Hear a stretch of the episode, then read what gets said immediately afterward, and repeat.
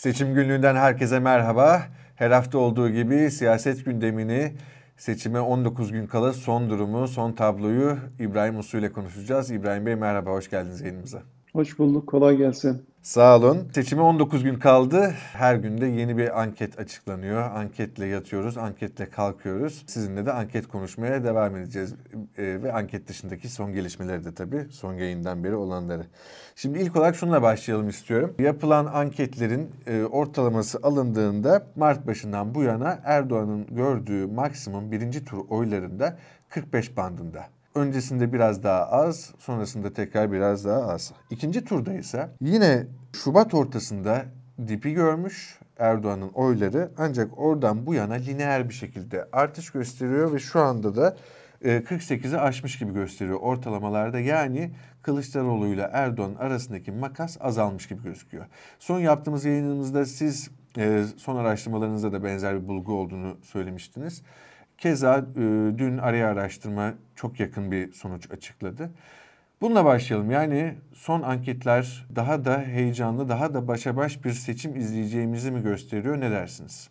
Evet yani bazı yarışlar var ki sonucu çok uzun zaman önceden belli oluyor. Ay, aylar önceden tahmin ediyorsanız zaten tablo çok net oluyor ve e, öyle de bitiyor. Mesela bundan bir önceki Cumhurbaşkanlığı seçiminde seçim kararı alındı, erken seçim kararı alındı. O günlerde Gazete Habertürk'te Kübra Par'la yaptığım bir röportaj vardı. İnternette duruyor, hala bakabilirler. Daha muhalefet, daha da yıllar ortada yok. Muhalefetin nasıl bir strateji izleyeceği belli değil. Dedim ya seçim kararı alınmış ama henüz o şey adaylık süreçleri falan başlamamış. O süreçte şunu söylüyorum ben. Diyorum ki yani muhalefetin rekabet edebilmesi için elindeki tek koz o seç ortak adayla yarışa gitmesi. Eğer ortak adayla yarışa girmezlerse şu an Erdoğan'ın desteği %52'ler civarında. Geri kalan %48'i küçük dilimlere böldüğünde muhalefet Erdoğan ilk turda zaten yarışı %52 civarında bir alarak kazanır diyorum. Bu seçim kararı alındığı bir iki gün alındıktan bir iki gün sonrasından bahsediyorum.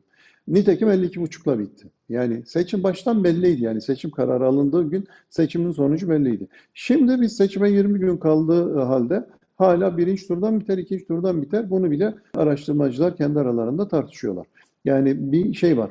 Bir iki nedenden kaynaklanıyor. Bir siyasetçiler hakikaten anormal davranışlar gösteriyorlar. Öyle olunca seçmende bir anormal hareketlilik var. Seçmenin bir kısmı böyle çok reaksiyonlar bu süreç içerisinde yaşananların belki şeyi. Yani İyi Parti bir şey yapıyor 5 puan kopuyor. Muharrem İnce bir e, şey hamle yapıyor 10 puan geliyor. Sonra Babala TV'ye çıkıyor 6 puan daha kopuyor falan. Şimdi bu kadar büyük kitleler çok tek bir olay üzerine büyük reaksiyonlar gösterince seçmenin tutumunu tahmin etmekte de zorlanıyoruz. Tabii böyle 5 puanlık 6 puanlık hızlı keskin hareketler %50 artı 1 gerektiren bir yarışta e, inanılmaz bir biçimde sonuçları e, hem etkiliyor hem de öngörülemez hale getiriyor. Bizim gördüğümüzde yani işte ben birkaç e, bir süredir daha doğrusu şunu söylüyorum yani belli olan birkaç husus var. Netleşti bunlar. Bir, Sinan Oğan ve Muharrem İnce'nin ikinci tura kalma şansı yok. Bu net bir biçimde anlaşılıyor. Niye? Çünkü o hiçbir zaman işte e, şeyle e, ilk iki adaydan biri olamadılar bunlar. Ve birinci, birinci ve ikinci adayla üçüncü, dördüncü aday arasındaki makas 35 puan, 40 puan falan yani bu seviyelerde. Bu kapanabilir bir fark değil bu son günlerde. Evet 5-6 puanlık keskin hareketler gözlemliyoruz ama 6 puan gittiğinde geldiğinde bu e, Sinan Oğan ve Muharrem İnce'yi ikinci tura kalma konusunda e, şey yani bir, bir, bir öyle bir olasılık yaratmıyor. O yüzden Sinan Oğan'ın ve Muharrem İnce'nin ikinci tura kalmayacağını biliyoruz. Birinci turda onlar yarışa veda edecekler. Birinci netleşen şey tablo bu. İkinci netleşen tablo Sayın Erdoğan çok uzun zamandır ve adeta o 45'te bir camdan duvar var, tavan var ve o camdan tavanı geçemedi. İşte bazı araştırmalarda 45'te görünüyor, kimisinde 42-45 aralığında bir yerlerde. Ama son bir buçuk yıldır falan 45'in üstüne çıkamadı bizim çalışmalarda ve çalışmaların büyük çoğunluğunda. Öyle olunca Sayın Erdoğan'ın e, birinci turda kazanma olasılığı olmadığını da yine net bir biçimde söyleyebiliyorum ben. Üçüncüsü Sayın Kılıçdaroğlu birinci turda kazanma olasılığı bulunan tek aday. Fakat henüz garantiye aldı mı birinci turu? Hayır almadı. Dolayısıyla birinci turda tamamlayabilecek mi yarışı yoksa ikinci tura kalacak mı? O konuda da şu an için henüz net bir şey söyleyemiyoruz. Çünkü birbirine yakın duruyor oylar. Daha da önemlisi Sayın Kılıçdaroğlu %50'nin biraz uzağında duruyor. Öyle olunca da bu geriye kalan süreç içerisinde e, ve bu rekabet ortamında o gereken 2-3 puanı ilave oyu alabilecek mi, alamayacak mı? Şu an için henüz öngöremiyoruz. E, bu önümüzdeki yaşananlara bakmamız gerekiyor. Dördüncü bir hususta benim gördüğüm bugünden ikinci tura dair söylenen her şey sadece falcılık. Yani böyle büyük büyük laflar ediliyor. Birinci turda biterse, bir ikinci tura kalırsa ikinci turda şu seçmenler şuraya gider, o seçmenler buraya gelir. Dolayısıyla işte o kazanır, bu kaybeder falan. Bu tamamen falcılık. Niye falcılık diyorum? Şimdi mesela ben size üç tane senaryo vereyim. Tabloyu birlikte değerlendirelim. Senaryo bir. Sayın Kılıçdaroğlu 48 aldı. Sayın Erdoğan 43 aldı. E, milletvekilliğinde Millet İttifakı 285 aldı. Cumhur'da 245'te kaldı. Birinci senaryo. Bu durumda ikinci turda kim avantajlı olur? Şimdi baktığınızda diyorsunuz ki evet Kılıçdaroğlu kazanır. Niye? Çünkü açık ara önde bitirmiş milletvekili daha fazla. Dolayısıyla seçmen istikrar arar. Kılıçdaroğlu'na verir. Senaryoyu tersine döndürelim. Sayın Erdoğan ilk turda %47 aldı ve Cumhur İttifakı diyelim ki 275 milletvekili çıkardı. E, Sayın Kılıçdaroğlu %43-44'te kaldı ve işte 250'de milletvekili çıkardı. Şimdi bu durumda kim avantajlı oldu? Şimdi bakın adaylar aynı adaylar, seçmen aynı seçmen ama birinci turun sonucuna göre tutumlar farklılaşabiliyor. Biraz daha kompleks hale getirelim. Ee, Sayın Erdoğan 46, Sayın Kılıçdaroğlu 46, e, Cumhur İttifakı 275 aldı, Millet İttifakı 250'de kaldı parlamentoda. Şimdi bu durumda kim avantajlı mesela? E zaten daha önce de konuşmuştuk. Deneyimimiz olmadığı için ikinci tura dair bu evet. senaryoların e, sonucunu öngörmek de çok zor.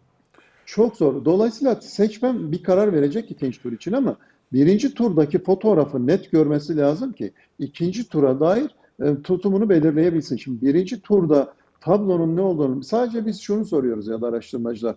İkinci tura Sayın Kılıçdaroğlu'yla Sayın Erdoğan kalırsa kim oy verirsiniz? Tek faktör o değil ki. Hangi koşullarda kaldı? Kim önde bitirdi? Kim geride bitirdi? Makas ne kadardı? Doğru. Parlamentoda milletvekilliği dağılımı nasıl oldu? Falan şimdi bunları da anlatmanız lazım seçmene. Dolayısıyla tamamen hipotetik bir şey ölçüyoruz. O yüzden bu ikinci turda şöyle olur, böyle olur şeklindeki yorumların tamamı falcılık bence. Ee, birinci turdaki tabloyu, fotoğrafı seçmen net bir biçimde görecek. Ona göre bir e, kanaat şekillendirecek. Sonra da o, o kanaati tespit edeceğiz. Diyeceğiz ki ikinci turda şu aday avantajlı, bu aday avantajlı. İki tur, ikinci tura kalacak olursa tabii.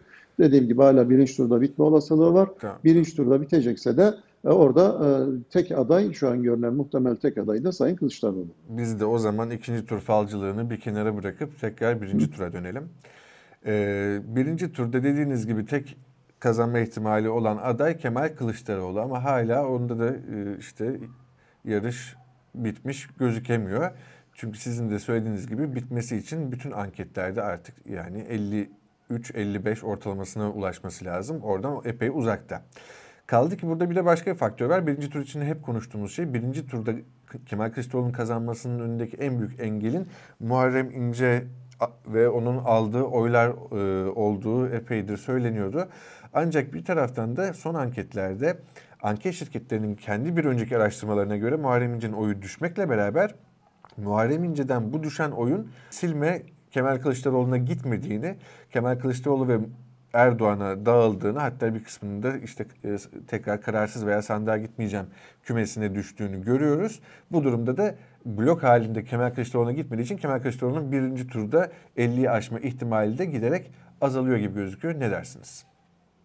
Haklısınız. Ee, bizim çalışmada da öyle. Yarı yarıya neredeyse oy kaybetti. Fakat şey yani bu Sayın Kılıçdaroğlu'nu elinin üzerine atmadı. Niye? Çünkü bir kısmı evet Kılıçdaroğlu'na oy vereceğim diyor. Bir kısmı Erdoğan'a oy vereceğim diyor. Bir kısmı Sinan Oğan'a oy vereceğim diyor. Sinan Oğan da mesela bir evet. buçuklardan falan üçe yükseldi bu süreç içerisinde. Evet. Üç, üç buçuk arasına geldi. Bir kısmı da diyor ki ben o zaman sandığa gitmem. Bu adayların hiçbirini sevmedim. Şimdi oylar dağılınca o zaman da öyle 6 puanlık 5 puanlık bir etki yaratmıyor. E, bir, bir puan oraya, bir puan buraya zaten birbirini nötralize ediyor. Bir puan oraya falan dağıldığında e, o zaman da e, şey genel ortalamalar değişmiyor. Şimdi e, o yüzden de hani başkasının oyu üzerinden bir hesap yaptığınızda, bir strateji kurguladığınızda e, bu işe yaramıyor. Sizin kendinizin bir şeyler yapması ve bir sıçrama yaratacak. Seçmende yani evet ya doğru yer burası, ben burada olmalıyım diyecek adımlar atmanız lazım. Mesela Sayın Kılıçdaroğlu'nun bu anlamda ilk denemeyi yaptı. Biliyorsunuz Türkiye'nin en sevilen siyasetçileri, en saygı gören siyasetçiler arasında Sayın İmamoğlu ve Sayın Yavaş. E, araştırmalarda kim Cumhurbaşkanı olsun dediğimizde e, mutlaka bu iki isim de e, şey önlerde çıkardı. Fakat her ikisinde Cumhurbaşkanı yardımcısı pozisyonu var. Yani seçmene bu vaat edildi. Eğer Sayın Kılıçdaroğlu kazanacak olursa Yavaş ve İmamoğlu da yardımcıları olacak.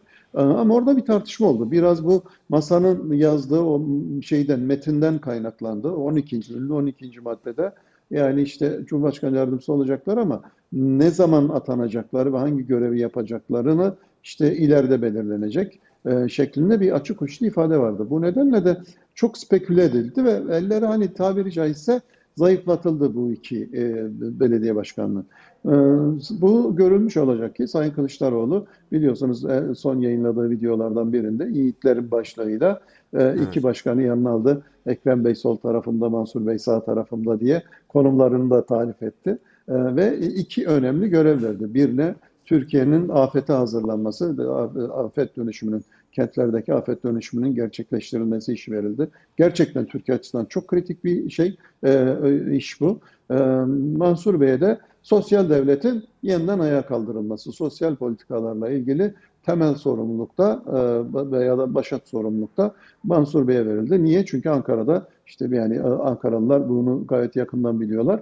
E, sosyal belediyecilik, sosyal yardımlar falan konusunda çok yaratıcı, çığır açan işler yapıldı. O yüzden de Ankara seçmeni pandemi sürecinden bu tarafa. Öncesinde de e, Mansur Bey'e bir teveccüh vardı ama o günden sonra e, çok daha fazla takdir ediyor. Ve bu sosyal politikalar konusunda hakikaten e, önemli başarılara, e, şey e, performanslara imza atmış durumda. Mansur Bey'e de bu görev verildi. E, dolayısıyla elindeki yani zengin insan kaynağını, kaliteli insan kaynağını kullanmaya başladı. Bu iki başkanın e, görev tanımını yapmadan önce de hatırlayacaksınız yine bir videoda e, Şampiyonlar Ligi kadromuz var demişti. Şimdi o kadroyu yavaş yavaş açıklamaya başladı benim gördüğüm. Mesela bu bir şeye tek adamın karşısında büyük bir kadroyla e, vatandaşın güvenini kazanacak ya da zaten e, çok takdir ettiği insanlardan oluşan bir takım çıkarabilirse bu bir sıçrama yaratabilir mi? Benim gördüğüm evet bu potansiyel var. E, çünkü aslında bu son iki yıldır konuşuluyor. Yani e, bu e, yarış iki aday arasındaki yarış olmayacak daha çok iki e, sistem arasındaki yarış olacak. Hatta iki sistem arasındaki yarış bile olmayacak. Yani bu ben bunu zaman zaman şey diyor dönemde e, telaffuz ediyordum.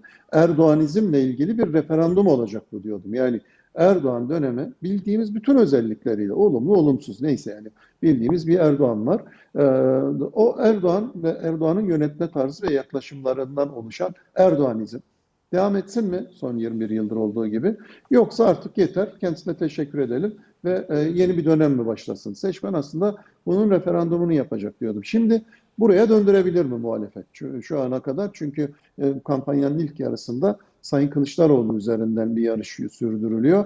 İki, ve baktığınız zaman iki aday arasındaki ya da adaylar arasındaki bir yarışmış gibi algılanıyor. Ama şimdi bu değişecek mi değişmeyecek mi? Benim gördüğüm bunun sinyalleri var. Sanki yeniden bu e, iki anlayış arasında e, bir yarışa dönüşebilir. E, bu O iki anlayış arasındaki yarışta muhalefetin avantajları olduğunu biliyoruz. Yani bir tarafta tek adam tarafından yönetilen keyfi şey var, yönetim modeli var. Öbür tarafta da işte bütün gelişmiş müreffeh ülkelerde kullanılan parlamenter sistem şeffaf, katılımcı, denetlenen, kontrol edilen ve bu sistem hayata geçirecek de güçlü bir kadro var. Şimdi şeyi siyasal dikotomiyi buraya mı oturtacaklar? Yoksa şu ana kadar olduğu gibi iki adayın e, yarışı şeklinde mi? Dedim ya diğer iki aday ikinci tura kalma şansı olmadığı için iki adayın yarışına dönmüş durumda. E, hangisini yapacaklar bu geri kalan 15-20 gün arası süreç içerisinde? Bence e, birinci turda mı bitecek, ikinci tura mı kalacak konusunda önemli bir faktör e, ya da belirleyici olabilir bu.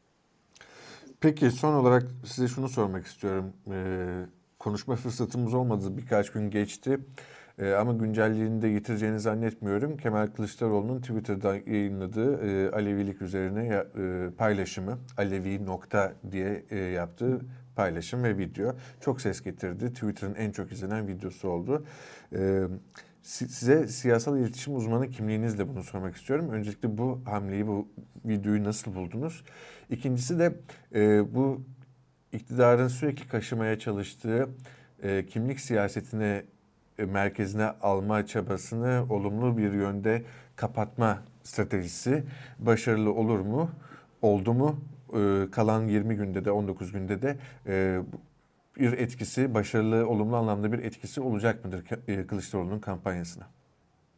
Şimdi benim yorumum bu videonun hedef kitlesi iktidar seçmenleri değildi. Muhalefet seçmenleriydi. Çünkü muhalefet seçmenlerinin bu kimlik siyaseti üzerinden en azından bir kısmının kafasının karışık olduğunu biliyoruz. Hatta bu hani kasabanın sırrı falan da değil. Niye? Çünkü muhalefet bloku içerisinde olan bazı siyasetçiler ya da yorumcular bizim seçmenimiz Alevi'ye oy vermez dedi yani. Bunun farkındayız. Bunu biliyoruz. Şimdi oranın tamir edilmesi gerekiyordu ve o insanlara önemli olanın insanların etnik, mezhebi, inançsal kimliklerinin değil, önemli olanın ehliyet, liyakat, yetenek, ahlak, dürüstlük, adalet falan gibi kavramlar olduğu ve esas buna göre oy verilmesi gerektiği konusunda insanlara bir ışık tuttu, yol gösterdi. Bunu çok kibarca yaptı ve muhalefet seçmeni büyük ölçüde rahatladı. Zaten muhalefet seçmeni bu anlamda iyi bir sınav verdi. Yerel seçimlerde falan adayların, e, ortak adayların e, hiç ne ideolojik orijinine baktı, ne etnik orijinine baktı, ne inanç orijinine baktı. Sadece ortak aday mı? Bunun arkasında yeterli siyasal destek var mı? Var. E o zaman ben de destek veririm dedi ve oy verdi. O yüzden de çok farklı profillerde, işte bu Akdeniz'de illerle yan yana illeri örnek veriyorum ben. Hatay'da ülkücü kökenli bir aday.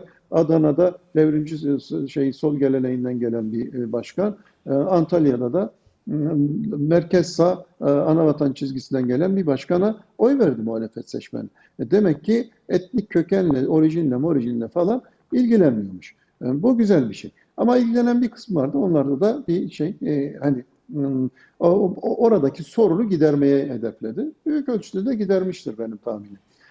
Fakat bu öte yandan iktidara da e, bu kimlik siyaseti ki bence kimlik siyaseti iktidarın e, stratejisinin, üç ayaklı stratejisinin ayaklarından biri bu. Öbür ikisini de konuşuruz eğer şimdi şimdi soracak olursanız. Orası açısından baktığınızda bir fırsat penceresi açtı. Zaten bunu hemen kullanmaya başladılar.